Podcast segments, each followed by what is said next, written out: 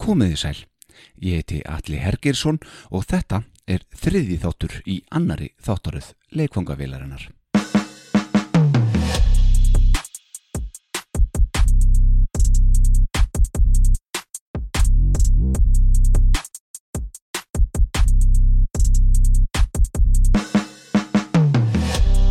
Í dag hittu við fyrir kraftmikla konu sem hefur verið áberandi í mannlífinu í Reykjavík síðustu árin.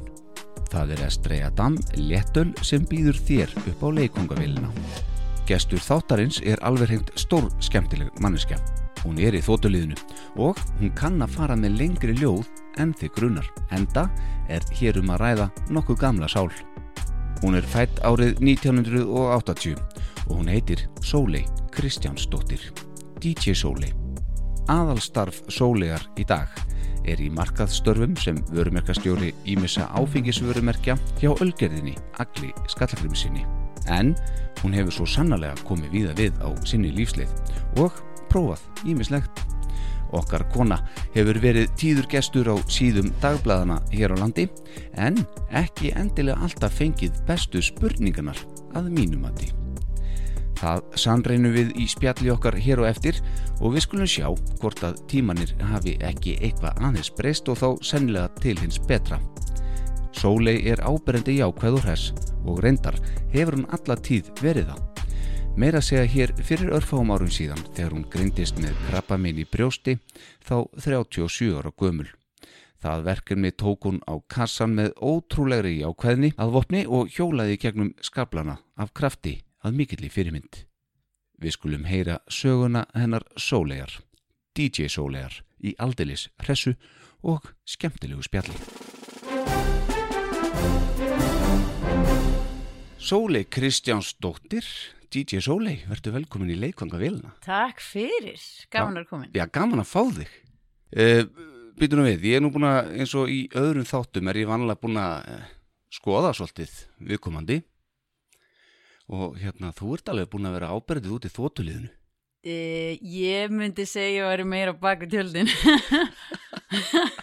Akkur, Bara það einhvern veginn, þú veist Það er náttúrulega mjög auðvelt að verða eitthvað frægur á Íslandi Þú þarft ekki að gera mikið til þess að fólk viti hver það ert En nei. Ert þú frægasti vörumerkastjóri á Íslandi? Ég held að.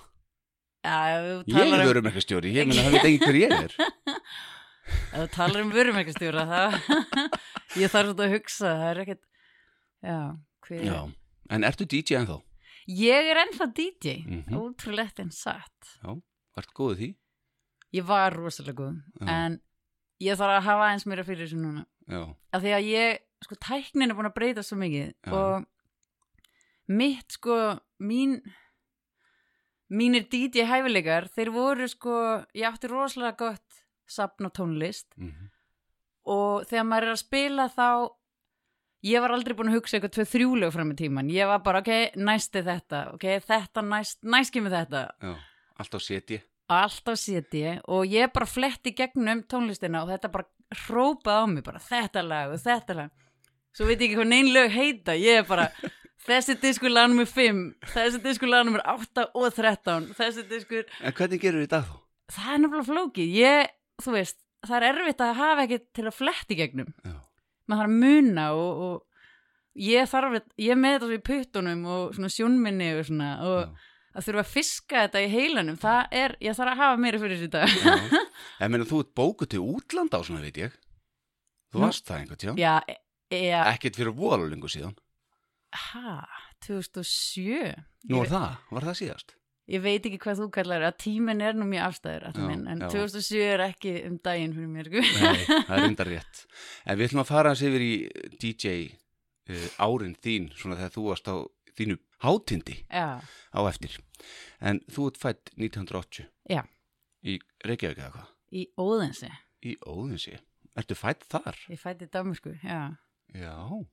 Þannig að þú ert í rauninni með danst veðabref þá líka?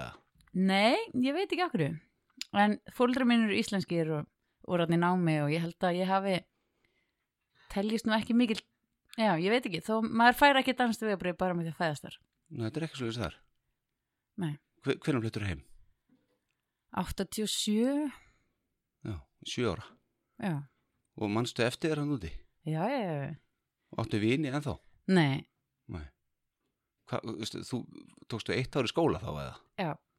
Sex ára bekk og svo var ég eitthvað að fluta við til Norex yfir einn vetur Já. og svo fluti ég heim og glemdi dönskunni. og talar hann ekki Uh, jú, ég get alveg bjarga mér sko, en það er bara svona einhver skóladanskur það sitt, eða þú veist Já.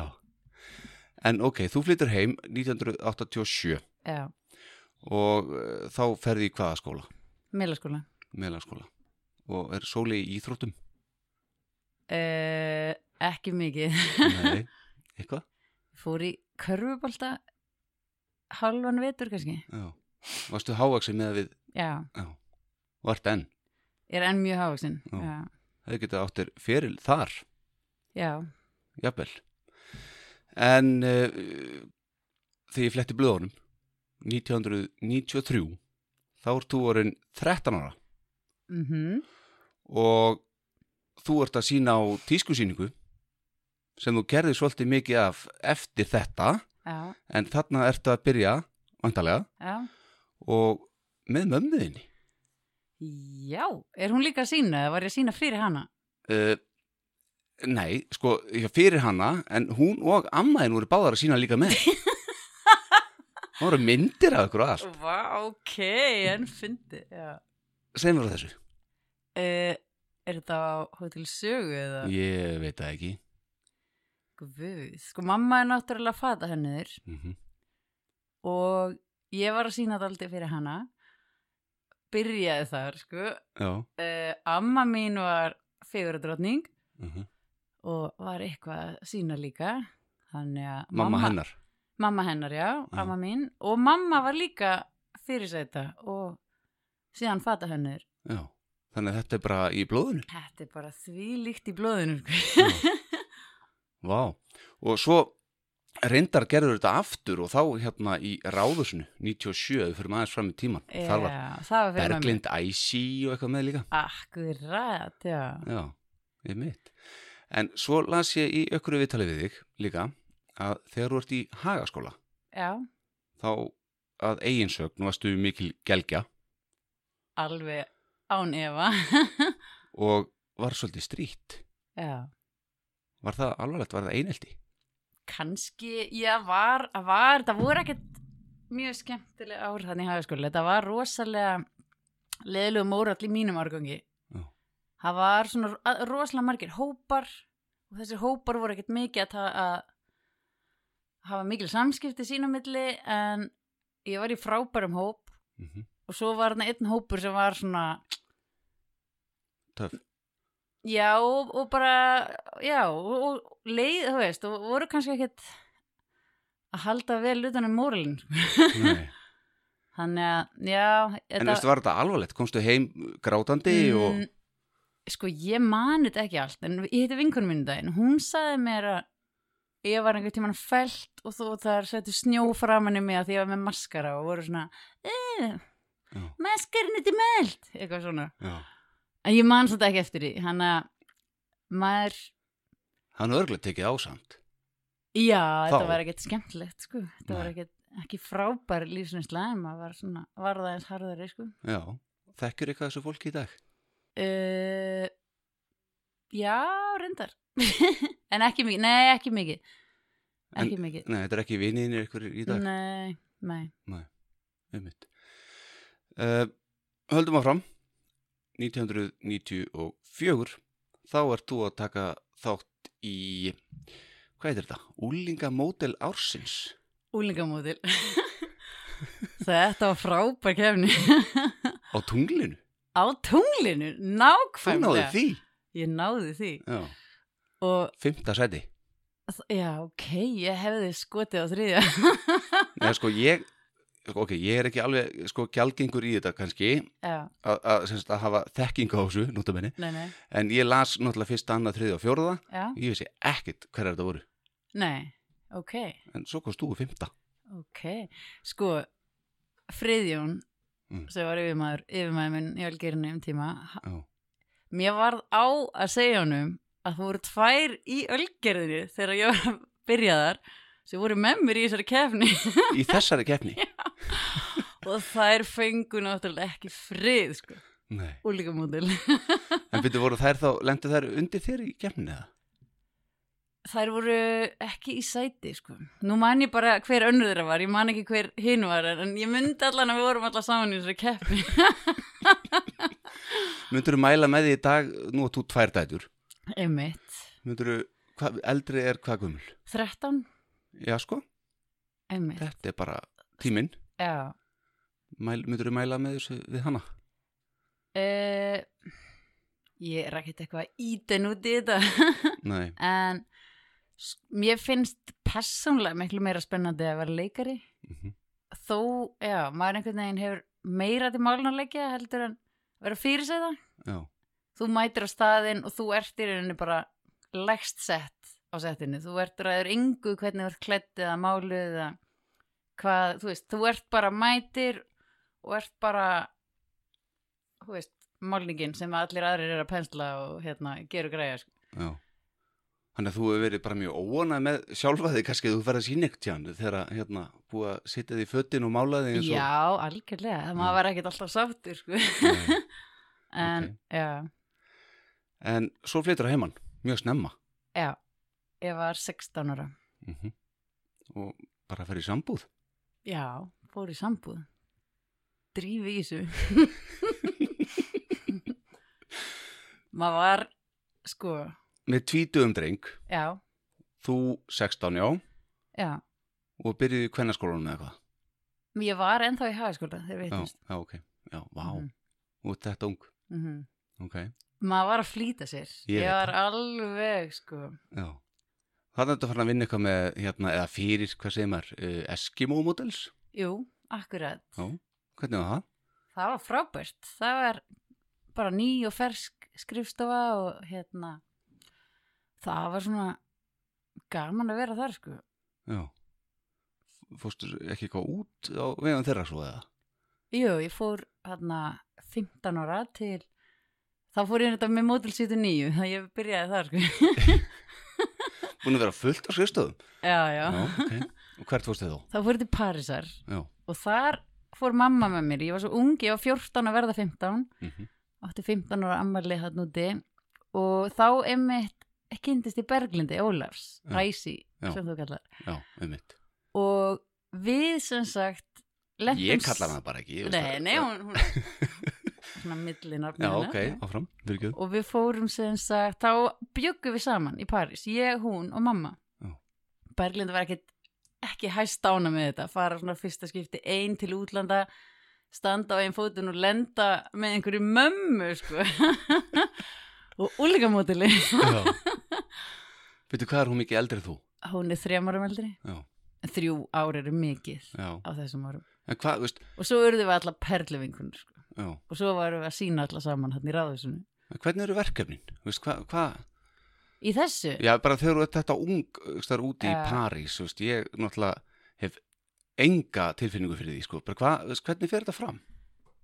dagurinn er þannig að þú ert með skrifstofu og maður hvernig var þetta? maður mætti á skrifstofunum átnana og þá fæði maður svona lista Mm. og það eru svona castings kallast, sem eru svona pröfur og þú ert kannski að vera mættur hér í bæinn klukkan 10 morgunin næsta stað klukkan 12, næsta stað klukkan 2 og svo þegar maður mætir á staðinn að þá eru hérna bara löng byðröð af fyrirsetum, allar halda á svona möppu og eru möppur svona með myndum að þér svona sem sína þig á mismunandi hátt. Já.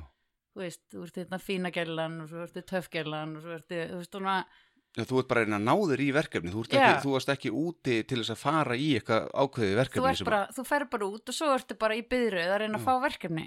Og þetta er, þú veist, þannig gengur dagurinn út og daginn svo þegar maður er búin að vera í þessi lengri tíma að þá fara kunnarnir að þekkja þig og byðja um þig og ljósmyndar að vita hvað þú ert. En ég fór og var bara í mánuð. Það gerist ekkert mikið ef þú ert á bara einn mánuð.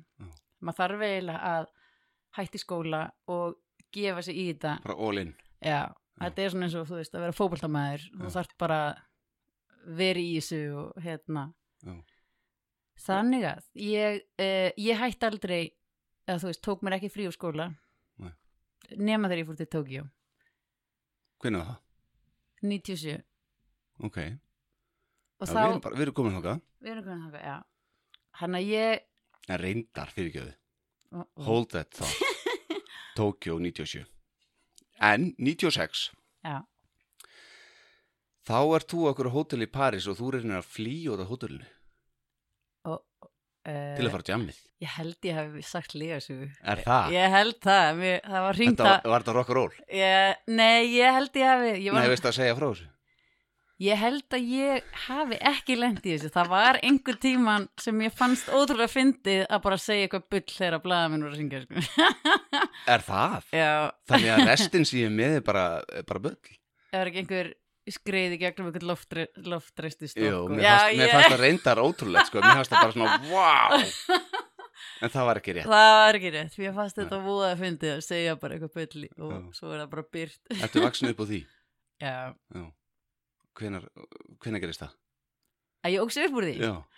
Uh, ég veit ekki, ég bara lendi svo skemmtilegu síðan að maður þarf kannski ekki að vera með einhverja gerfi Af því að einu, einu sem sagður mér, Já, fyrir einhverjum árum síðan, mhm, þá sagður mér að, hérna, að þú hefðir uh, kynst Melania Trump. Var það líka líka að sagða? Nei, það var, var vinkonu Berglind Æsi Það var Nanna Guðbergs sem bjó með henni Já, ok.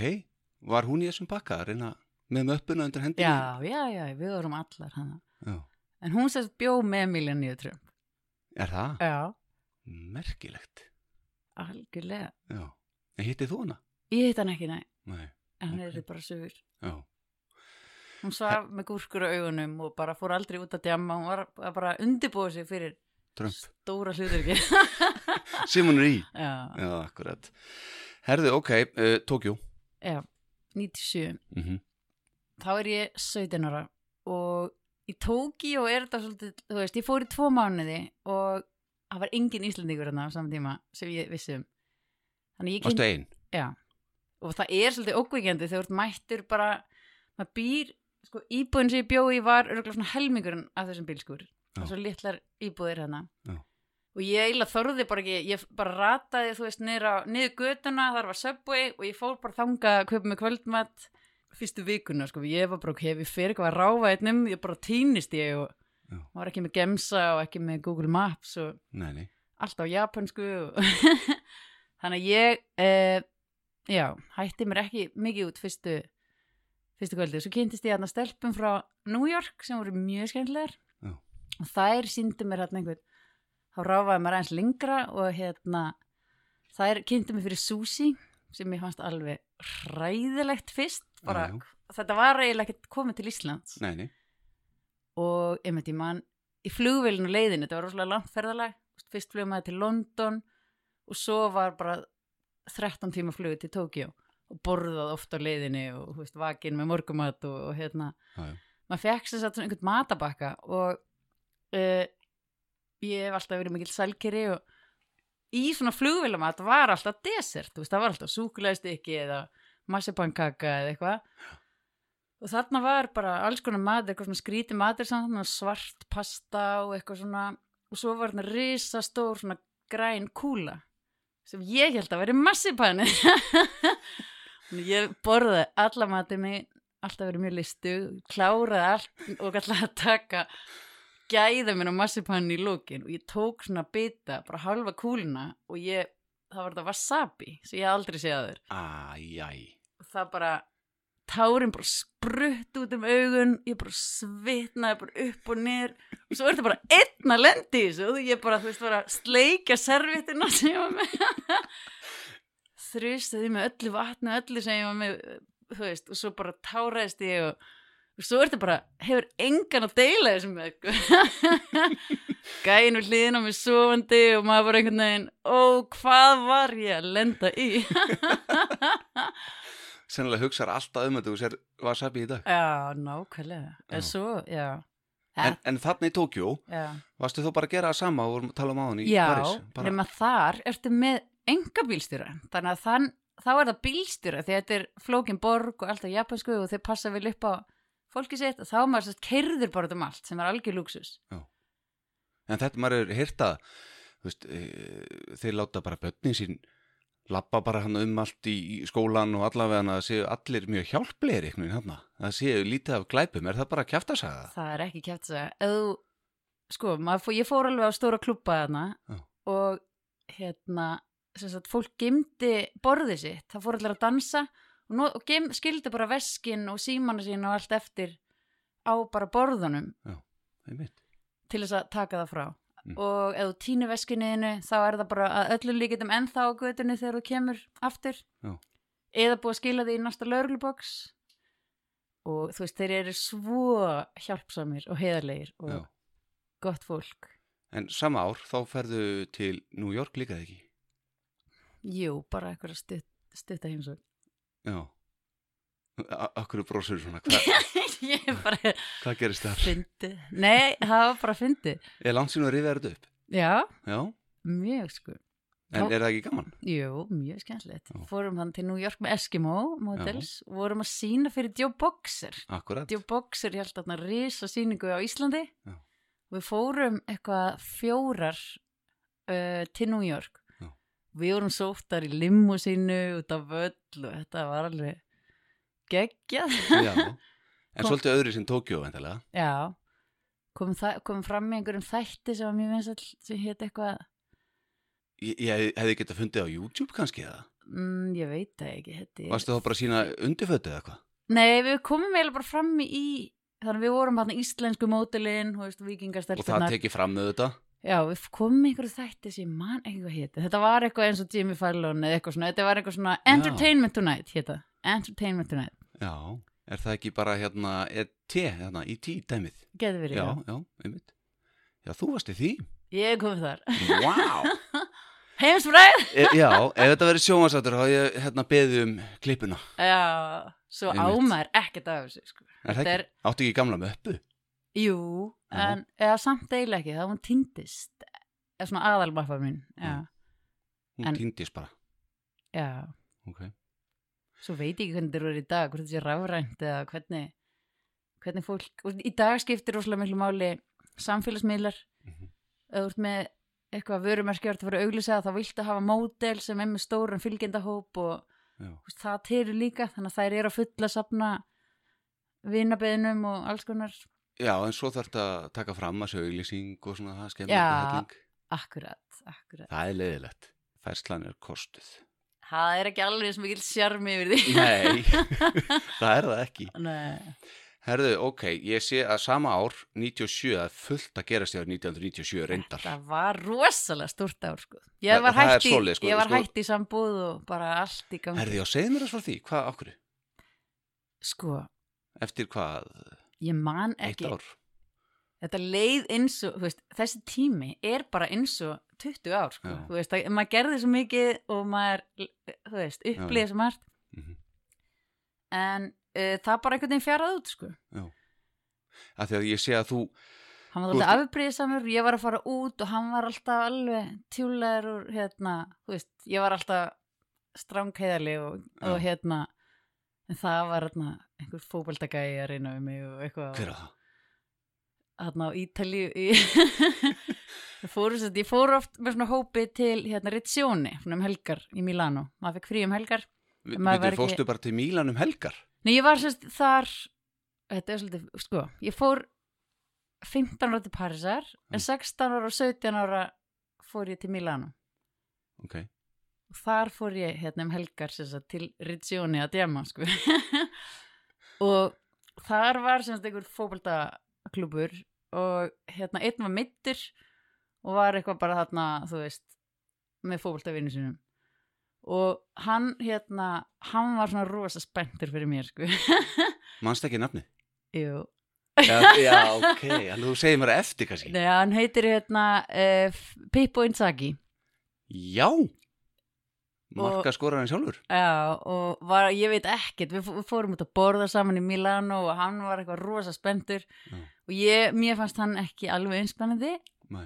en svo var hann þetta með einhverjum fótboltavinu sínum sem eru mjög frægir líka og ég man, ég veit ekki hvað hva heita Já, uh, Gattuso, Pirlo og einhverju gæjar. Maldini, geti verið, Dita. og reitt með mjög bláu en, En uh, Ítali samt? já, já, Já, Maldini já, já. Já, hann er að Þarna var ég bara inn í bílskur og akkurir í ykkur rockljónsitt sko. og ég er ennþá þar Já, hann skutlaði mér heim einu svona, hann skutlaði mér heim en ég, á Lamborghini. hann var að beða vaffin, ég kist hann ekki einu svona Nei, einmitt, gott ég þér. og vini mínir skildu þetta ekki sko. ítölsku vini mínir bara hvað er að þér Já, ég fyndi Já, þetta, þetta vissi ég ekki. Nei, Þetta las ég ekki í blöðunum. þetta lest ekki um blöðun Nei, Gekkjað maður. Já, Herðu, ok, þetta sama ár, stór árið þitt, 1997, sem við erum ennþá í, þá hérna ertu í Ford-keppninni. innmitt, ég verða að læna upp keppnunum hann að Heldur betur maður. Já, Þetta var í Perlunni. já Ég var þarna komin með einhvern veginn svona smá mótrá, ég var ekkit alveg þú veist ég var, mér fannst ekki gaman að vera fyrir þetta lengur og hætti því síðan bara hérna eftir Tókjó. Þannig ég var í þessu svona með svona, æ þú veist maður var bara, ó, það er ég að mæta á þessu æfingu, æ þú veist Já. En hvað vildur þú fara að gera þá? e, Ég bara, ég er að að muna þetta sko ég, Fóst í útvarpið Já, ég saman? fór í útvarpið, ég fór í útvarpið, nákvæmlega. Já. Ég fór í útvarpið og mér langaði bara að fara að gera eitthvað, eitthvað annað, sko. Verður svona upphæðu kannski af DJ Sóli þar? Já, Svona alveg upphæðið? alg, heyrði, ég get sagt þér Já. að, hérna, þá maður var í partíum og svona úti, þá var ég alltaf svona, hei, þú veist, hver er að spila tónlistina? Og ég fór alltaf og var að vasast í diskunum og spilaði þetta alveg næst og spilaði þetta alveg næst og hérna, og svo var ég alltaf að kaupa með diska. Ég var rosalur hiphopari og þessum tíma var líka, þú veist, rosa mikið, hvað kallar maður, attitude, þú veist, maður var alveg bara svona ógeðslega töff og rock var bara ógeðslegt, þú. Þá, á þessum tíma, það var bara, maður var bara í fylkingum. Annarkort, ef þú fílar hiphop, þá fílar sko ekki rock Já. og ekki techno og ekki eitthvað svona Já. drastl. Þannig ég var alltaf að kaupa mér tónlist og átti alveg bara fínasta safn og Já. svo þegar ég byrjaði í útverfinu þá hérna það voru ekkert svona playlistar og þú veist, þá var útastmaðurinn Hann reyði þessu bara. hann reyði þessu bara Já. Þannig ég var alltaf að kaupa músík og hérna já, átti, þú veist, þannig einmitt Og mættur í útvarpið, þú byrjar á X-inu 977. Ekki Já. satt? ég byrja þar, já, Já. Og mættur í útvarpið bara með þína diska. já. Já. og spila líka eitthvað sem þeir áttu Já, já. En þú varst með, eins og þú sagði sjálf, fyrsta R&B þáttin á Íslandi mm sem be- bara heitið Púðusikur. Geggjaði þáttur það? ég vildi ætti, hann var Ég, geggjaði ég fann ekki neitt, sko. Ég, nei, þetta, nei, Það sjálfsögur hindi að finna ljótaðmi. já, Það var geggjaði þáttur sko. Já. Varstu þú, þú þetta bara R&B eða eitthvað? og hiphop ég spilaði alltaf meira sko, ég spilaði alltaf meira svona hiphop sem var söngur og svona, me svona melodískar hiphop Já, ok. Og svo fórst á Skrats. svo fór ég á Skrats og Hva, hvað útastöðu á það? Hvað, veist? Hún var eiginlega bara stopnuð af fínumiðli sem átti exið Já. til þess að þú veist, það hlýtur að veri stopna á móti einhverju sem var að öruglega einhver lítilstöðu sem var, var stopnuð og var vinstöð, ég veit ekki, ég man ekki þetta var allavega hugmynd sem átti að spila svona and bass og svona uh, jaðartónlistar stöð Já. En þú, svo sem átti ekki langt að segja þetta, mamma henn var út á skona. Mamma mín var út af skona, stjörninni Stjörninni fræðu. algjörlega, já Já. Herðu, ok. Uh, við höldum áfram. pappi var DJ, sko Nú, líka? ég vissi það, ég reyndar ekki fyrir en bara setna sko, en hann var vist DJ líka já, Já. í klubnum Í klúbnum. Það er grjót hartnaðar. já Kynntist hann með minni þar? uh, ég held ekki, nei. Nei. ég er ekki viss Herðu, ok, uh, 97, þá varstu svolítið að leika líka. Þú varst, svo ég fóði að byrja á því, já, þá varstu í ykkur sem heitir söngleikurinn Tími. Manstu þetta því? nei, Með kvennaskólanum í gamla bíói. vá hvað ég man ekki eftir því Það eru meiri sem myndir að því. ertu ekki að grínast? Nei, söngleikur er tími já. Og hvað, var ég að leika? var ég ljósamæður? Nei, þú varst að leika, þú varst í síningunni. ok, ok, ég man ekki eftir því Já, mér skildist það allan því ég var að skoða þetta. já, En það eru greinleika sögur þaðan, en það hljóta að vera sögur úr blossa. sko finna Ég fór í pröfur fyrir aðalhuturkið, það Já. er nú fyndið sem við Þóra Dungal var í Já, Já, ok, ég var náttúrulega að leia hjá Jólakemp já. Flutti þangað og bjóð þar alveg mjög lengi í minningunni sko. Sennilega En- verið hálfu mánu þannig að hérna e, þeim fannst þess að hláturum minn svo fyndin þannig ég var bara, ég leik ekki myndinni en ég var látin hlæja eða svona fyrir búðakonu hann rekst hérna hann uh, Þú kemur fram í myndinni, Sóli Ég horfði á þessa mynd. Þú, þú ert búðakona í myndinni. Nei, ég er ekki búðakona ég er bara að tala fyrir Hættu búðakonu þessu. Ég er Hva- ekki að Hver er búðakona fyrir göðu? það er bara einhver, einhver kon ég, þurfti bara, ég mætti í stúdíó og átti bara uh, eitthvað svona Af hverju finnst mér eins og, eins og ég hefði séð þig í myndinni sem þessi búðakona? Er ég bara, þú þurfti að fara hann aftur. Ég, wow ég var meira þess ekki búðakona ég var meira þess bara kona í búð með kerru þú veist, sem ég að ætla ekki að fara ofan hans Þetta, þetta er of ljós lifandi í kollinum á mér Ég ætla ekki svona að trúfa þér Þú hlýtur að vera að misminn eitthvað Ég er ekki Í mér mismunir ekki, alvörunni? nei. Ok, Ég ligg í auglýsingu en ekki blossa, sko. vá En, Yes. þú, en þú varst með rödd þar Ég var með rödd og ég kem fyrir í text í hérna stafin stöfunum hann í lókin. Já, í kreditlistanum rödd búðagunni. Er búin að vera fleiri bíómyndum með það? uh, ekki svo í muni, nei. Bara rödd í blossa Herðu, svo er það kaffi Tomsen maður, þá voru komin í 98 Það er kom, já, nákvæmlega. Þar byrja dítiferilin. Þar, já, fyrir alvöru byrja DJ-in þar Mm -hmm. Tomsen, ég fór nú nokkur sinnum á Tomsen þegar ég kom Já. söður Já. uh, Þetta var svakalegu staður Hann var legendary, sko. Já, Hann opnaði fyrst bara efri hæðin, svo þegar opnaði kjallaran, þá náttúrulega Já. breyttist. varst þú að spila niður eða eitthvað? Nei, ég var bara uppi á Já, til að byrja með. var ekki stuð þá? Það, úf, jú, það reyndist vera bara, gekk bara mjög vel, sko. Já, varstu bara á þriðutaskvöldu með það? til að byrja með, já. Já. Ég, hérna, ég náttúrulega þegar skrats út af stöðin lokaði, þá náttúrulega er ég búin að vera fjárfest í tónlist alveg út um allan heim. Með hérna fyrirsætu peningunum.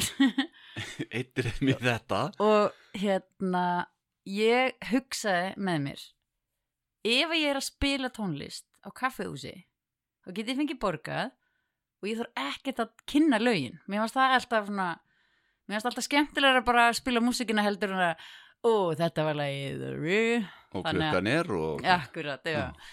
þannig að ég e, fer og tala þar þá er ég átjónara Já. tala við eigendurna og ég var búin að vera þannig að djamma Hverju voru eigendur hana? Gísli Gísli, já Og, og Gísli. Finni eða eitthvað? Nei, og hann hérna Nei, nei, Siggi, Gísli fór Siggi frá- síðar í prikið við Finna örglega, ekki? Er ekki svo Jú, jú, jú, Já, ok, löngu seinna. fyrir ekki, ok, Gísli og Siggi, Siggi, já Ok, hann er að norðan já, var, var, já, norðan einmitt, ég veit hver það er. Mm og ég fer á fund með Gísla og mjög kókrust og segi hérna að ég hafi mikið áhuga á að spila þarna öll þriðuskvöld Já. og hann horfir á mig ég er átján ára sko. Ekki einu sem ég leifið til að vera þarna. En var það ekki átjáð til að fara inn? ég man það ekki, ég allavega fekk að fara inn framfyrir röð En þú varst náttúrulega nafnu útvarpinu samt Hann lítur að vita það ekki Eða hvað? ég veit ekki hvað hann hlustaði mikið á skrats Nei. eða púðisikur Já. ég efast, um að hann hafi, hafi ég veit, veit ekki hvort hann þekkti með það sko. Nei. en ég allavega hann segir, já þú getur allavega prófað eitt og svo segir mér maður, lungu setna hérna Bræi sem er viður Já, að hann segir mér lungu setna, hann var yfirmaður á barnum, að þegar ég var að spila þá var bara salan fjórföld á við hinkvöldin já, er það? Þannig að það var gaman þegar ég var að spila. Þannig að þegar að þú varst að spila þá var fólk að drekka áfengi? Fólk að drekka áfengi en og sennilega að drekka vatn þegar að- um helgar. Ef ég man þetta rétt. Já, akkurat, akkurat. Herðu, ok.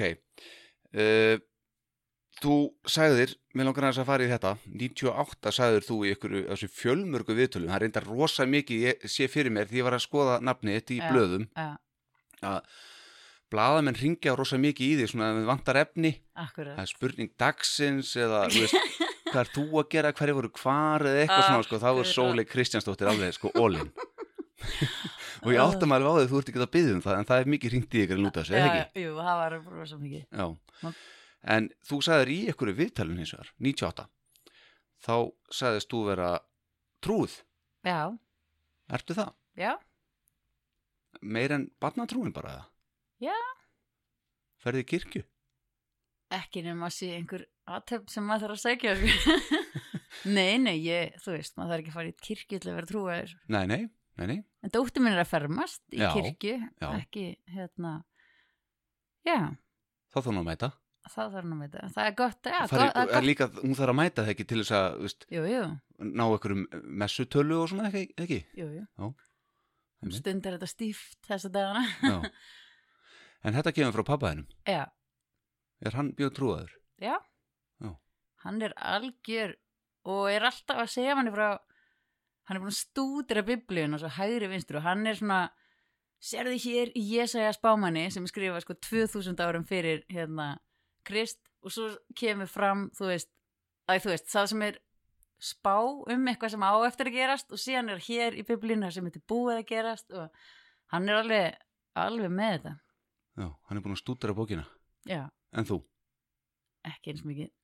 En ertu búin að lesa biblíuna? ekki, ekki, þú veist ég er búin að lesa í henni en ekki, þú veist, ég byrja ekki að byrja henni og, og lasa hann til enda Nei, en ég er búin að lesa valda kapla já Hver valdið þú? sko, minnst, hérna, byrjunin rosafalli Já. og e, síðan las ég hérna postulasöguna Já og já, Er bara þetta eitthvað sem pappiðin bendið er á þá? eða? já, já, það er heima vinna Já. En pappiðin er í hjólastól já, Af hverju er það? hann er með MS Já, sjúkdóminn er það argint? Getur verið. Já. En hann er samt svo eini í fjölskyldunni sem það. Mm. En hann er algjör töffari. En þú kynntist veikindum sjálf sem komum inn á eftir Já. alveg klárlega Herðu, ok, en að þegar við erum að tala um pappaðinn þá langar mig að hérna að því ég veit það Já. að þú ert búin að vera svolítið að læra ljóð Ymmit. og alveg í tíundaveldi myndi ég að segja Já. og hérna býtum við hvað hétt aftur þetta risa ljóð sem að þú hefur nú farið með það fyrir mig ég manni hvað heitir já það er meðgastar Einræður starkaðar. einræður starkaðar hvað er það átján herindi Átínur þið. og þetta er hver aftur Einabenn. eina ben Uppáhald. af hverju er ég ekki með þetta hana farðu með þetta fyrir mig Átínur þið. Byrjum á tveim, þreim allavega ertu með þetta Ég er með það. ég ætla að vitna fyrir það það er ekkert fyrir fram að þig Ok, þetta er einræður starkaðar. Mér dreymir um eina alveldi sál. Um anda sem gerir steina að brauði. Minn hlátur er sorg, við skrum og við skál, í skotsilfri bröðla ég hjarta míns auði. Mungáttinn sjálf, hún ber moldar keim, var mælt hér eitt orð sem eifir var kunnað. Ég leita mig dauðan um lifenda heim, að ljósi þess kvarms sem ég get unnað. þetta voru hvað mörg erindi? tvö Þetta var fyrsta erindi. var þetta bara fyrsta? eru 17 svoni viðbót?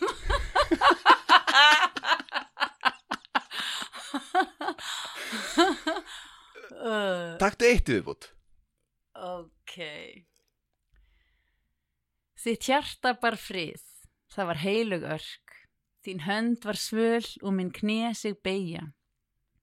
Fótsár af æfinar eyði mörk, einn unaðsblett fann ég til þess að deyja. Volduga, mjúkenda, lík míns lífs, hver ljúft var í skaut þitt, ennið að neyja. Mín sál á ei málið, en varir míns vífs, vilja þær orð mér til frelsis segja. þetta var annað erindi svo eru 16 viðbót og mannstu þetta allt ég ætla ekki að, ég ætla ekki að beða um að segja meira sko, ég þarf að rifja þetta upp samt reglulega. já, En þetta er í uppáhaldi. og En þetta er risa verk bara. ég veit það Hvað varstu lengi að læra þetta? ég var, þetta er fyrsta ljóðið sem ég lærði Já. ég átti mig ekki á það því það kemur hérna eitt erindi sem ég hef heyrt pappa flytja þetta Já. Og maður svona sónar inn og sónar út og maður þarf að vera í sko æfingu bara að hlusta Já, og hérna og flytja þetta líka, má ekki um leið og fer bara að flytja þetta og hugsa um eitthvað annað að því maður verður smá svona eins og robot já, að þá missum maður líka aðtekli fólksins sko. já. þú verður að vera bara með Svona í karakter eitthvað. þú verður að vera með bara fullkomna aðtekli og segja en hérna já það er í, þessu erindi er sagt hérna það er eitt erindi sem er hérna eitt bros getur dimmu í dagsljós breytt. Já. sem dropi breytir veg heilla skálar þél getur snúist við aðdorð eitt aðgátt skal höfð í nærveru sálar. Já, og mér langast að læra, ég ætla að læra þarna með eitt bros getur dimmu og svo hérna ég áttaði ekki á því hvað þetta væri ótrúlega hérna, marga blæsiður að verundum en ég var í fæðingarorlufi og var ekki námi, ég var námi með hérna, eldri dóttir mína og hafði aldrei neitt einhvern veginn svona tíma Já. og hérna þarna var ég bara, þú veist um sumar, bara út í garði bara hún sofandi og maður bara þvílíkt að njóta og þá hérna, svo var þetta svona svolítið þráhyggja sko, Já. þú byrð, þú ert að keira þú ert að rifja þetta upp og þú hérna ert að þylja og þylja og hérna maður bætir alltaf síðan einu erindi við, bætir við og þú- svo ferðu með alveg frá byrjun og bætir síðan smá við og svo ferðu með þetta alveg frá byrjun þannig að maður er einhvern veginn þú veist, allt einu, fyrst ertu komið með eitt erindi svo allt einu eru þrjú já, og svo alltaf svona bætist aftan í sko en já, ég var í einn mánuð að læra þetta alveg sko upp á, þú veist, ég var alveg upp á dag bara að hamast sko. Og æfur þið einhvern tíðan semst til að halda þessu við? Er það bara í sturtu eða ertu, veist, uh, sko, fær þegar freyðin, fær hann að heyra þetta reglulega? Hann fara að heyra, mér, sko, eins og þegar maður er að keira út á landi, Já. þá fer maður stundum og hérna rifjar upp. Stundum þegar ég er að sopna en þá er þetta ekki að hjálpa mér að sopna þá er ég alveg bara glaðvangandi að reyna að muna. En jú, í veiðiferðum geggja þegar hinn er að veiða þegar maður býður á bakkanum að, þá er ég stundum bara reyna að læra að veist, bæta nýju við sko. en þetta er geggið þjálfun ég skal trúa því maður. Vá, og gott fyrir mann sko. átján svona erindi. Þú varst maður að segja eitt, ég held að vera komið með hvað, tvö eða þrjú. er þetta komið? Og hvað, hvað, hvað veist, áruðu, hvað er þetta? Hvað Uh. kanntu mörg svona ljóð ykkur? Svona, veist, veistu það?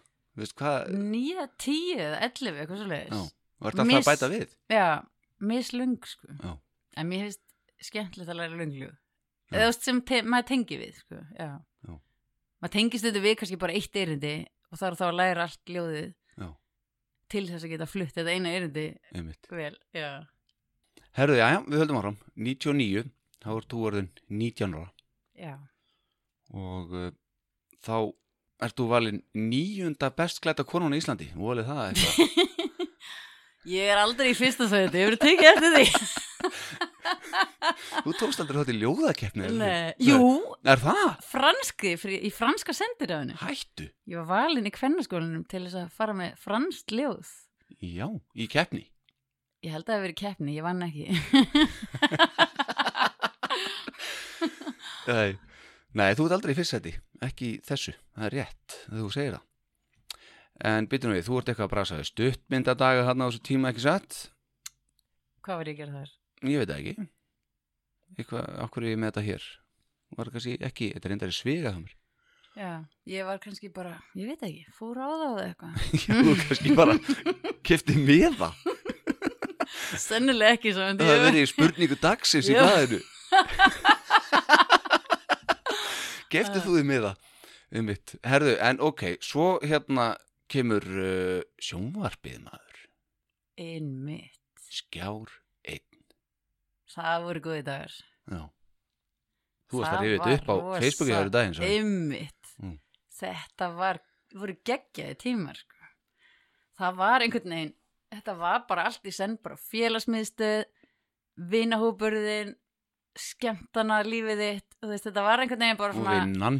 og vinn, já, skulum ekki gleyma því skulum ekki gleyma því síðast en ekki síðast vinnan sko Já, En þarna varstu með kannski þetta nafn á sig þætti á kannski vel við með hvað varum að tala um, top 20 Akkurat. Og þess það, hvað var þetta, bara vinsaldalisti, bara- bara, lögin þetta voru bara lögin, sko. kynna lögin, þú þól, þólið það ekki Þetta var að kynna lögin, einmitt, í mynd Mhm. sem ég fannst, já, en maður þrælaði sér þetta. En einu sinni voru skiptidagar á skjá einum já, og þá áttu allir þáttastjórnendur að skipta um þátt. Og hvaða þátt heldur að ég hef fengið? djúbulöðina Ég fekk- Silfur Egils nei, í alvöru í alvöru. og hvernig, varstu þar?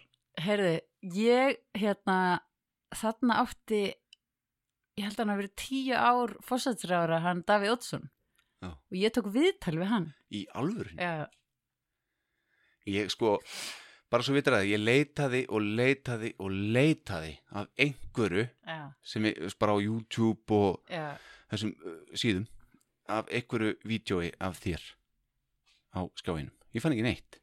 ég er þa svo þakklátt fyrir að þetta var svona fyrir tíma internetsins. En hvernig fór viðtalið við Davíð Ótsson? Núna hefði verið geggjað að skella því ég veit það ég sko, ég á þetta allt á Vafhá S-bólum sko. Já, ok. pappi var duglegur að taka fyrir mig þætti. En sko ég var eitthvað að spurja hann.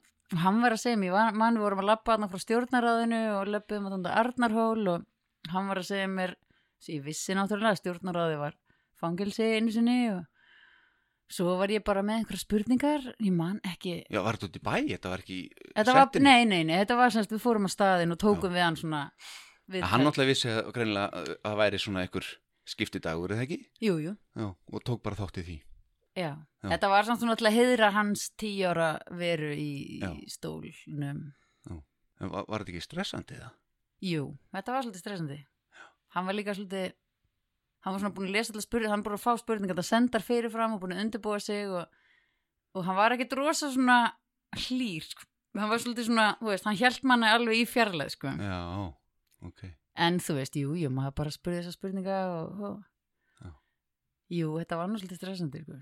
Það var, En þarna á skjá einu, þá, þarna voru hvað, hérna, Anna heitir hann, Finnur, já, erpur, Erpur. Johnny Nass. Æ, mitt maður. geðveikt. Þú einmitt sagðir ykkur í viðtali að hérna, þú spurðaði hver þín fyrirmynd væri í sjónvarpinu, það var Ali G.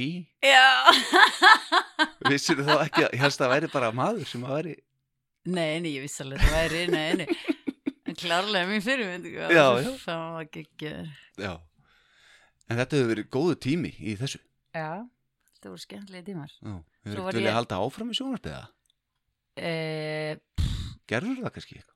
nei, ég hefði alveg getað ef ég sóst eftir því, en ég einhvern veginn, ég kann betur við mig bak við töldin, heldur en að vera, þú veist, Já. í andlita skjánum. Ég veist Já. það þægilega að vera, þú veist, að bak við. Ég skil. Herðu, all right, uh, þá höldum við fram og hvar er ég? Þú veist, 98 held ég, Nei, við erum í en 99. 90, nei, við erum í 2000. Erum við komin þú veist? Já, við erum komin í 2000. Aldamótin. Já. Uh, þú ferð að vinna hjá uh, blaði sem heitir Orlus Uh, fyrir konur. Var ég ekki, ég var á undirtónum. Var ég á orðlaus líka? Já. Ég, mynd, ég man ekki því, ég man bara eftir undirtónum. Já, varst að skrifa greina þar. Já, Hvenær var það? það var þarna líka þegar ég var í kvenna og byttum við, það var 98, 99. Já. Og hvað varst að skrifa um? Ég var að gera einhverja plötudóma og svo var ég bara að skrifa um bara, þú veist. Lífið á göttunni og djammi í Reykjavík og eitthvað, ég man það ekki alveg, en ég var alveg, kom stundum í svona, mér skaman að skrifa, sko. Svo var ég hérna að taka myndir á djamminu líka, átti svona pínu litla myndavel sem var líka MP3 spilari, wow. rosa töff, hérna Fuji. En ég allavega, ég man ekki eftir, hvað? já, Sko það var hrefna með, já. ég man ekki eftir að vera að vinna þar, var ég að vinna þar? Mér skildist það, ég minna, við stöldum bara ekkert við það. Nei, nei, ok. Við höldum bara fram. Og það, þá erum við komin í þegar að hérna, þú ætlar á þing alveg rétt ég á hún að gleyma því Það komur óvart.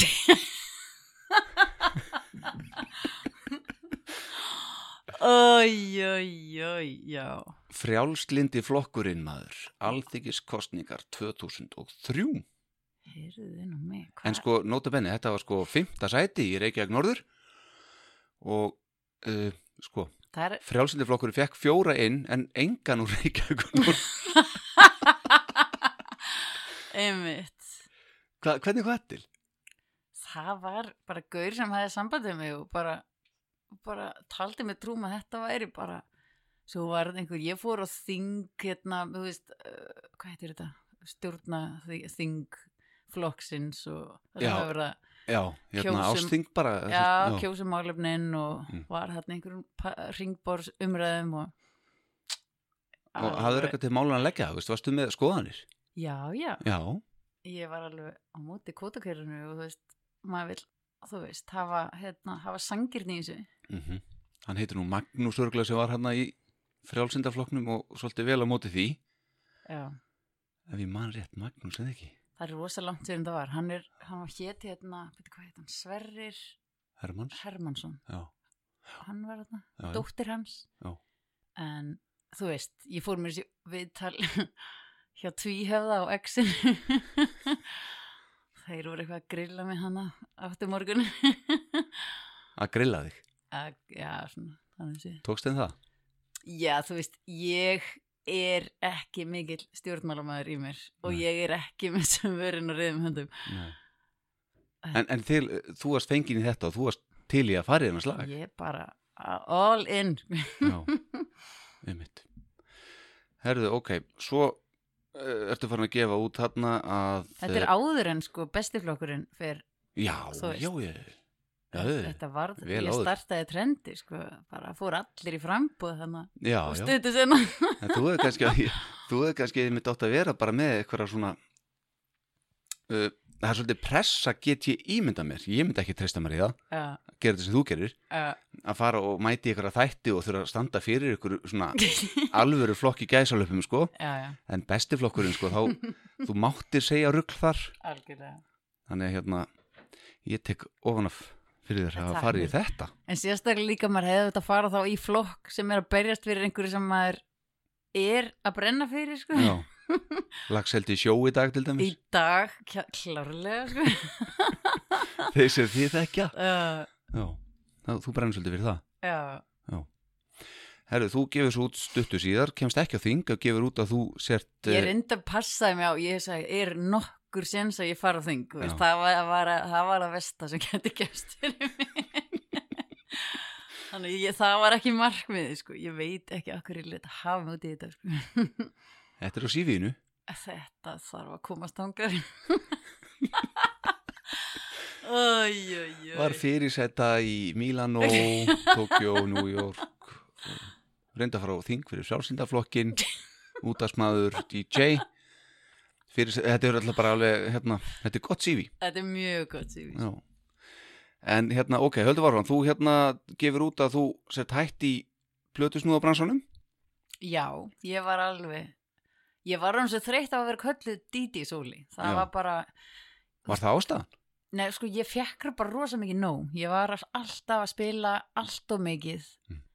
fyrir lítið pening, fyrir, hérna, maður sagði bara já við öllum verkefnum sem maður hefði ekkert að gera. Þú Veist, ég hefði bara átt að taka bara sem ég langar að gera, að því svo varst að spila kannski á stað, kom enginn, þú veist, staður sem var svona, þú veist, ég manni spilaði á Astro, þú veist, þannig að hann var líðandi lók og maður var bara á klukkunni, bara hvað eru mörg lög eftir guðminn góður, hvernig fæ ég að fara heim Já. og það er einhvern veginn bara eiðilaði mótjóið sko, spilaði, spilaði, spilaði svo oft þegar ég nefndi ekki Já. og svo oft þegar mér langaði bara að vera heima eða allir vinnirnir að djama einhvers staðar annar staðar og þú fastur einhvers staðar Já. þannig að mig já, þannig ég einhvern veginn bara allt í einu bara fekk ég bara ógeð sko Já. Þú ættir að prófa að vera rockljónsveit maður. Já.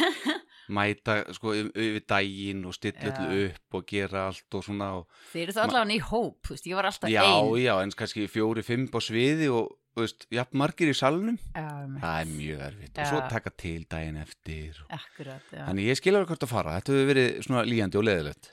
já. Já. en síðan, já, síðan bara gati ekki, þú veist, ef ég ringi bara einhvern sem ég þekki bara ágætlega, Mhm. þú veist Mhm. en er ekki kannski í daglegu sambandi við blessa, er þetta sóleina? Sólei og bara þau uh, Kristjáns, þú veist uh, býtu, DJ Sóli já, blessu þú þú ert búin að taka þetta í sátt aftur? já, ég, Já. þetta er orðið já, ég tók þetta í sátt bara fyrir svona tveim árum Já, það? já, Já. það var ég bara, æ, ok ég bara lifi Ég var mér til dæmis spurður, þú segir þetta, ég var spurður hérna, já, veitu, hver er að koma til í núna í þess að þætti og ég, þú veist, að Kitty hérna, Ganina og þessum, svo, Sóli Kristján, Só, Sóli, Díti Sóli, já, já, já. Þannig að ég þekki þetta sjálfur, já, akkurat þannig hérna, þetta er orðið svona kvöldnafn. já, það var það, já, ég fór svona einhvern ring allt Já. í einu, allt í einu bara var þetta gott, gott aftur Herðu, ok, uh, en þú varst þarna í sálfræði já, og kláraður það? kláraði BA Já. orðið BS í dag Já. Hávísindi. Langaði þið að fara eitthvað í þetta eða? Nei, ég bara alls ekki. Ég bara var svona einhvern veginn, vissi ekkert hvað mér langaði að læra og með ótrúlega fjölbreyttan bakgrunn, sko, veist, hugsaði bara, ég þarf bara að finna mér eitthvað og þá bara ger ég það og verð það, veist, það er svo erfitt að velja. Þannig að meðan ég átti eftir að velja þá hugsaði ég, ok, ég ætla að fara í eitthvað sem ég get unnið við hvað sem, hvaða starf sem er. Það vil ég allir verkfræðingi vinnu, sama hvaða fyrirtækjast með, þú getur alltaf verkfræðingur leysimáli þannig ég byrjaði verkfræði og tók halvt ár þar og ég var náttúrulega í tungumála bekk í kvennaskólanum tók sko tvö ári í, starffræði og hérna það var bara tölfræði sko þannig að ég, ég var bara hvaða tákn eru þetta? En það var rosalega gaman. Þannig ég var alveg í halvt ár bara það var geðvitt gaman sko. Þannig að ég hugsaði ok, ég ætla að fara í eitthvað sem að mér gengur betur þú veist, á auðveldra með hérna kynna mér þá þá fór ég í já. það er líka einhvern veginn svona ingangur í ótrúlega margt Nýtist það þér núna? Já. Já, svona, það er mjög mikil, í svona mark, markasmálum er mjög mikil sálfræði og Já. já, og, já nýtist mér markað sálfræði, það ekki til? það er til, Já, akkurat einmitt. Uh, en þú varst ekki að tala um að fara þarna til hvað? Asju, Ástralju, fórstu þangað? Ég fór, Er það? ég fór um hérna við vorum búin að ákveðin Já, þú og freyr þinn? ég og Freyr. Og ákvaðum að hérna sýstir hans var að læra í Ástralíu, Já. sálfræði líka. Og við ætlum bara heimsækja hana og Já. koma við í Suðaustur Asíu og við tókum þetta fimm vikur 2005 Svona rétt áður en þið fóru út í badningni já, svo fæðist hún bara 2006 Já, allt rosa plana allt er rétt hólf. er allt í rétt hól sko. En áður en að hún fæðist, þá ertu komin aftur í útarpið. Rást tvö. Rást tvö, ég reyndi nú að segja mig frá því ég var rosalega mikið að gera hjá mér þarna. ég var að reyna að klára hann skóla Já. og var byrjuð held ég í Ölgerinni og var held ég ólétt eða hún var lítil heima það var allavega eitthvað svona, þú veist ég hafði eigi lenga tíma í þetta sko. Nei. þannig ég var hann í einhverju manni sagður ykkur, við talið að einmitt að þú værir ólétt já, einmitt, og hérna, hvenær fæðist hún? Hva, hvenær, semst, hvenær árinu? ágúst Einmitt, þetta er sumarið Já. 2006. já, einmitt, já Þátturinn fyrir loftið byrjar í júni, þátturinn Píkupop. Já, þetta var eiginlega nafn sem að hann kom með hann, hann hérna Rástfö Ólipalli. Ólipalli og hann segi, þú veist, verðum einhvern svona þátt einhvern svona píkubaf þátt. Og ég var eitthvað svona pff, alveg komið með ógeð á verið díti á þessum tíma, sko, var alveg bara súrasta útgáðan sjálfur mér, tónlistulega séð, sko. Og líka því að sko þegar ég byrjaði sem DJ þá, þú veist, var bara hip-hop og bara geðvitt töff og bara, hérna veist, mjög erfitt að finna þessa músík þú veist, ég þurfti alveg bara að gramsa og bara plötubúðu fyrir plötubúðu til að finna rétti músíkina sem ég langaði að kaupa og þetta var ekki svona á vinsaldilistunum Nei.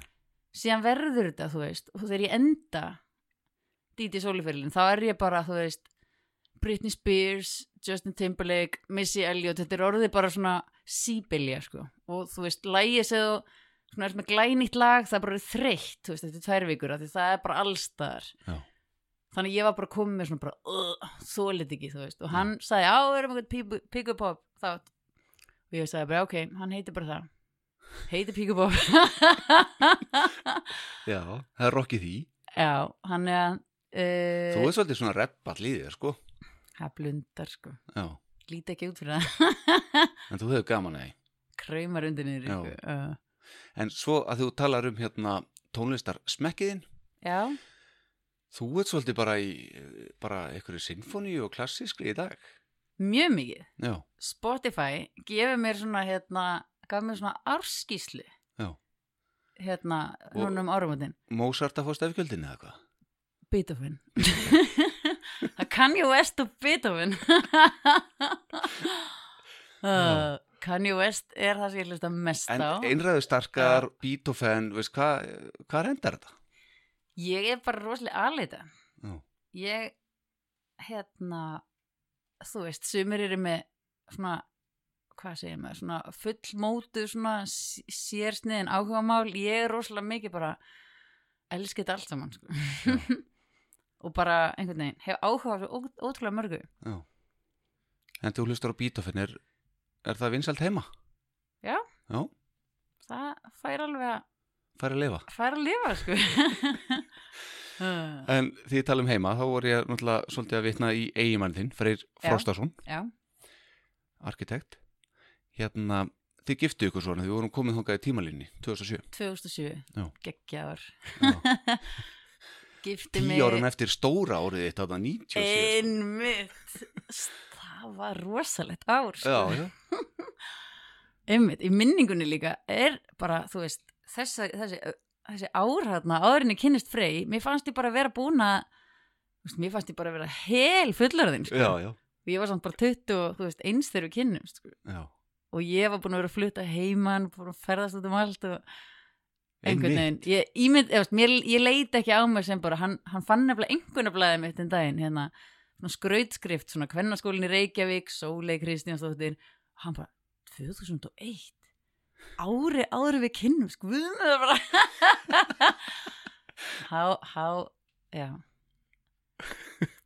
það fannst það nú óþægilegt Já, en, er það? en, en þú veist, ég, þegar ég var lítil þá var ég rosalega mikið að flýta mér og fannst ég vera brjálæðislega Já, fullar en með líði núna eins og ég sé bara einhvern veginn Já. Hefur rætt þetta við mömmuðin í dag, til dæmis? Nei, Nei? Nei, Nei. alls ekki. alls ekki sko. Herðu, ok, þið kaupið ykkur hús hann einhver starf upp í Ellur og Dali, ekki? Jú, jú, já, og það er eftir með hænur, Þar er ég með hænur Mm. Æðislegar stelpunar. Dúllur, skvísunar Og þar, þú var öll ekkin þar vantalega og mm er þetta ekki bara vesinaður með hænur eða? Þú veist Ég vann með þér og ég veit alveg að hérna, þú þurftir hansi ofta að skjótast heim og ná í stelpunar. Þá er þær slopnar út og, og Þær voru á tímabili já, Á tímabili voru þær að fara alltaf einhverja vettvangsferðir. Þannig að hérna í, Þú veist, síðan var þetta bara þannig Það hurfið millir 2 og 4 En svo það kom alltaf aftur. Það var alltaf komnar heim þegar ég kom heim úr vinninni Þannig að en þú sagði mér einhvern tíðan, það gæti að verið lega, já, en þú sagði mér einhvern tíðan að það svöruðu nafni. E, Sko, þær svöruðu bara svona Þú veist put, put, put, ef, ég held, ef ég held á svona matardalli þá koma það hlaupandi sko. Já. Það svara kannski ekki nafni Nei, ég, Lígur þú svona mikið? Ég hef ekki sagt svona þetta Það svara, hafa aldrei svarað nafni En það heita allar eitthvað Er það? Já, Hvað heita þér? Freyja uh, Katla uh, Ljósildur uh, Menning og Nei, ekkert og. Það Dífa. má bara hafa fjórar, en ekki? Það er, ég er að tala upp líka sæði sem eru dánar sko. Já, já, já, ok. Dífa Já. Já, eina sem er upprunaleg Fóringin, hún er Freyja og svo er ég tvær núna sem ég, við fengum í, hit, eh, í fyrra hitti fyrra, Já. hitti fyrra Dáin, ákveðu, hvað, bara Sko, kerti yfir hana kannski í Nei. vettóksverð? kettir hafa verið að koma Já. og það er svona, það er ekki nefnilega allir kettir sem að ráðast að þeir það er svona eitt sem að far, fór í einhvern svona ham og, og var alltaf Já. að koma og næla sér í eina sko. þannig að hann tók einhverja þrjár bara stund tíma Já. mjög sorglega En hérna í garðinum, það sem út með hænunar þar ertu svolítið að út með græna fingur eða ekki líka Jú, svolítið að brasa í moldinni elska að rækta Já Hvað ert að rækta? ég er mest að rækta uh, salut og kryddjurtir Já. og eitthvað svona sem að fær, þú veist miklu uppskera af sem að er miklu betra að svo kaupur út í búð. Ef, þú veist, það, svo eru svo- sum sumur eru svo erfið, þú veist, það var eitt sumar sem var bara, fór ekki upp fyrir nýju gráður það var bara rigning og 8-9 gráður allt sumar og þá er hann rækta blómkál og brokkoli. Þú er kannski búin að hamast með, með einhverja plöntur og alveg bara þvílít að sinna þeim og svo færðu þið bara brokkoli og starfi tíkall sko. þannig ég gafst að því að salutin einhvern veginn er að herða sér og vaksa og vaksa og Já. þannig ég er einhvern veginn bara komin yfir í það. Já. og kartablur, það eru eldar Það er ísi, egg og kartöflur úr garðinum. Já, Einmitt. Sólei, með langar að spila smá leik við þig. Já, Það er nefnilega leikur sem að ég byggja á viðtali við þig síðan í september 1999 og það er eitt af þessu símtölum sem þú hefur fengið. Þegar það þarf að loka blaðinu. Einmitt. Og þar færðu ef þú verið karlmaður. Já. Mannst eftir þessu? Sko var, ég, þetta var fossið viðtal. Þetta var ekki já, já, alveg klálega þetta var ekki hitt bara bara símtal. hljómaði skemmtilega. Já ef ég væri kallmaður, já ég man eftir þessu. Við hvað myndir þú vinna? þú mannst ekki svöriði nefnilega. Nei uh, nú segir þú það sem þú hugsar núna og ég jafnvel segir hans frá þínu svari. 99, já, það er leikurinn. Já, einmitt. Við hvað myndi ég vinna og svari hvað ég hefði hvað er það að spyrja ef þú verið karlmaður, Já. við hvað myndir þú vinna? í dag bara. Mm ég myndi vera bara einhver hljómsveit eða eitthvað, ég veit ekki. Já. Þungar og ljósið þegar þungar eitthvað allt annað. Já, ég 99 þá sagður að þú myndir vilja vera alþjóðanjósnari svona Eh. James Bond típa. Það er cool, já, það ég væri til í það. Já. Ef þú verið karlmaður myndir þú gráta yfir sorglegri mynd? Örglega, já ekki glæta sagður 99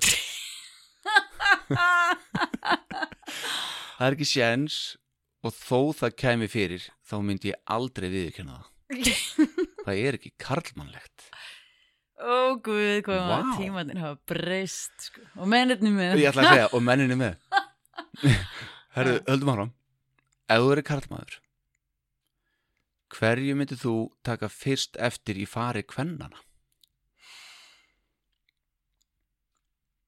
fótleikjunum, já. Og svo? Brosinu. Þetta var öðru þetta var rassinum. En augunum og brjóstunum. Ok. Já, já, svo leið þú það væri dólgur það er greinlegt uh, hvernig myndir þú reyna við konu? Mm, sko mér finnst að senda textaskilabóðu ekki skemmtilegt. Nei. þannig að ég myndi alltaf gera það augliti til auglitis. Og hvað myndir þú segja? var þetta erfið spurning? ég, yeah tí en við sko sagði 99 hvað sagði henni þinni? þú sagðir e, ég myndi ekki fara til konu og segja henni hvað ég var í góðri vinnu hvað ég ætti flottan bíl ætti mikið af peningum og þekkti mikið af fólki. Ég myndi láta konuna komast að því hvað ég var í æðislugur en ekki vera sem sagt tala um það að fyrirbræði Já, það er cool. Er það ekki? Jú, ok. Sólei, ef þú verið kallmaður hvað myndi þér líka verst í fari kvennmanns? ég held reyndar sjálfur, ég er með kenningu sko já, að ég held að kvennmenn horfi meira á kvennmenn heldur en kallmenn já, einmitt. Eh, Semst, heldur en kallmenn gera. Já, Einmitt, já algjörlega potið sko. En núna þarf þú að svara ef þú verður kallmaður hvað myndur þú? Smámennasemi og tuð og eitthvað svona, ég veit ekki. Já. Mm Þú sagði pempíuskap. Já Já. Já. Það Passar er, an, það er annað samt en það er gott gott, gott stöð uh, Ef þú verður kallmaður, myndur þú horfa ennska boltan? Örglega ekki. Nei. Hvað er það? 99 sagður ég myndi potti að horfa ennska boltan og væri sennilega mjög hávær. Já. Já. Uh, Og svo hérna einu lokum. Ef þú verður kallmaður myndi þið langa til að kíkja inn í kvennaklján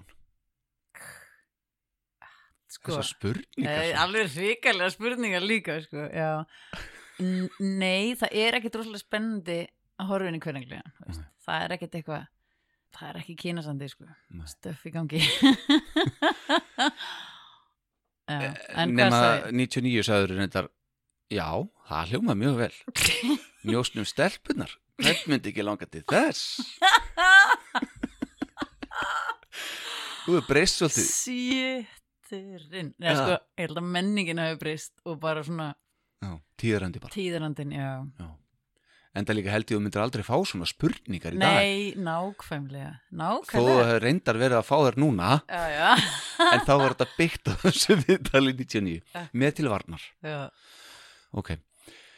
2017 mhm. Þá færð þú símtal.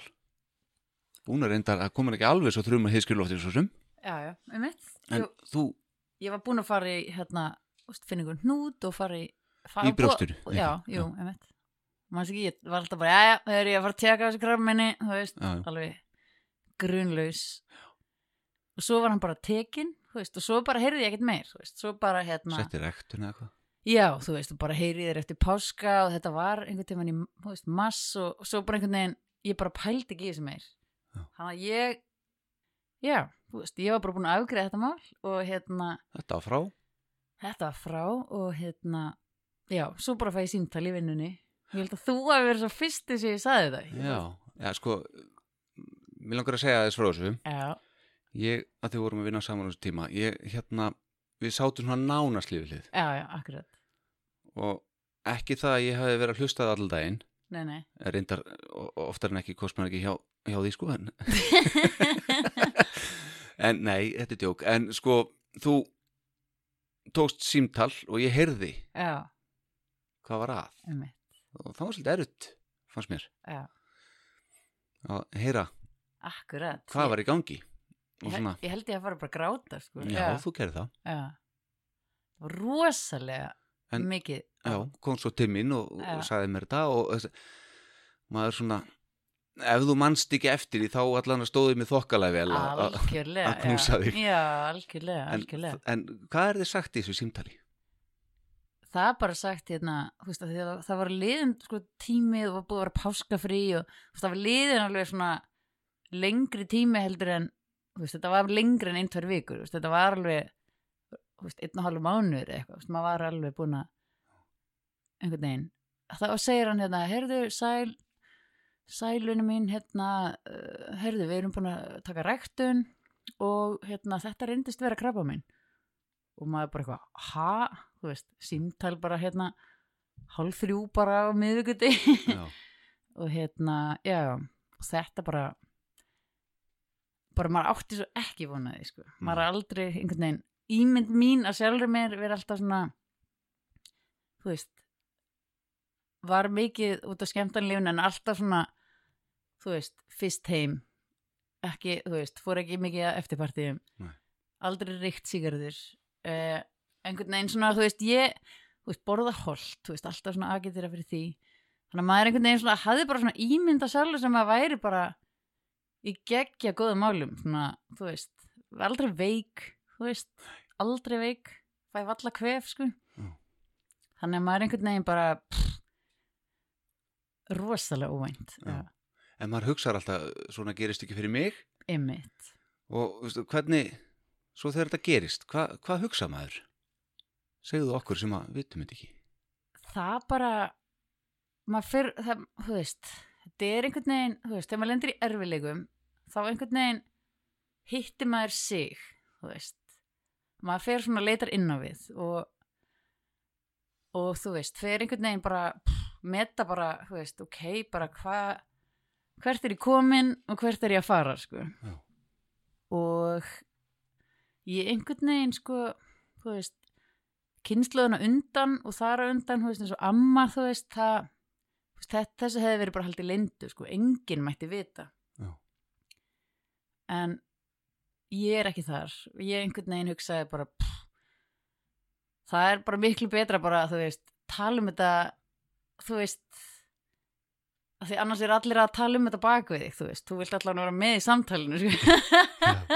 og stýra þig kannski aðeins Já, þannig að þú veist, svo bara pff, tekum við bara, þú veist, alls konar uppskurðir og meðferðir og, Já. Og hérna ég ákvað að taka mér, Já. og fannst þetta allt rosalega skrítið, sko. en þú fórst svolítið í geislameðferðir eða ekki? Jú, lífi meðferð, geisla meðferð, og alveg nokkrar satt? hormóna meðferð, jú, maður fór í hvað, Tut, uh, 21 skipti í geisla, Já. nokkur skipti í lifja meðferð og já, og svo er ég ennþá í hormóna meðferð. Já. Þú ert ennþá að því. Já. En hvernig er það fyrir unga konu sem er bara í blóma lífsins og flottri, flottri stöðu og bara, og þú varst að lýsa á þann, þú, Já, já. hvernig ímynd þín var og er, en til dæmis þegar að hári fór. Sko, maður náttúrulega, þú veist, að kvíða allar konur því að missa hárið. Mm En svo einhvern veginn, svo einhvern veginn bara, þú veist, Verður það ekki stóra málið? það er ekki stóra máli, sko. Og svo er þetta bara cool að vera, þú veist. Þú gerðir það bara cool. Já, Það er þetta að gera þetta tvenna vegu, bara með samþykki og Akkurat. ekki. Ég var að vinna þetta með hárköllu tímabil og alltaf með nýja hárköllu, ég var með alveg svona 20 hárköllur, sko. Var spennandi að sjá hvernig hún kemur í vinnuna. Akkurat, ég var stundið bara með einhverja bláa partíhárköllu Já. og hvíta einhverja Og stundum ekki neina. stundum ekki neina hárköllu og bara þá var Eftir maður hverju með fór það? Bara, hvernig maður skapið maður var í þú veist, það bara dressið og veist, hvað passar við þetta dress Er það ákveðið daginn áður eða bara við morgunin? yfirleitt bara um morgunin sko. jú, ég planaði þetta yfirleitt daginn áður í þetta var svona þannig Já. ég er yfirleitt ekki búin að plana dressið en, en þú veist, þá er maður einhvern veginn búin að gýra sig inn í það sko. Já. það mér fannst rosalega erfitt að fara fyrsta sinn út með hárköllu sko. Mm -hmm. þá var ég með svona raunverulega hárköllu svona úr alvöru hári og maður var einhvern veginn, þú veist, í ísbúð með dóttur sinni og ég var bara eitthvað, ó guð, hvað þetta skrítið Fannst þér allir vera að horfa? ég var bara vonandi þekki engan hérna en já Mm. svo var líka bara erfitt þú veist, að vera, reyna að vera venjulegur þú vilt freka vera bara þú veist, miklu meira einhvern veginn Mm. Veist, ekki þykjast eins og allt sé í lagi þú veist, freka bara já, En hvað lærður af þessum tíma? Lærði rosa mikið um sjálf mig maður náttúrulega grjótærður nagli sko inn við beinið maður, maður kom sjálfu sér og ég kom líka freyja óvart sko hvað maður var svona þú veist kvartaði ekki mikið og, og einhvern veginn bara svona þú veist þetta er alveg hérna þetta er svona alveg intense inngrip þú veist, í líka mann Já, já. alls konar sprautur og alls konar blóðpröfur og alls konar, þú veist, endalaust Já. Og þú veist, maður bara einhvern veginn læti sér hafa það, sko, maður bara, þú veist ok, það var þetta búið á greit já, ég veit Þannig að ekki. þú varst bara kannski, komst freyja og hérna óvart, varstu þá bara minni sjúklingur heldur en eiginlega kannski bara hvað maður var, þú veist þú veist, líka eins og þegar maður, þú veist, fætti börnin þú veist, bara, wow, hvað þú veist, Já. Jesus hvað, hérna, hetjan mín, sko. Já, Já, maður var svona einhvern veginn harðar af sér og, og heldur hann myndi ímynda sér fyrirfram sko. já. En uh, lærir maður ekki bara að meta allt upp á nýtt? Jú, maður forgangsræðar og Hvað breyttist þér þó?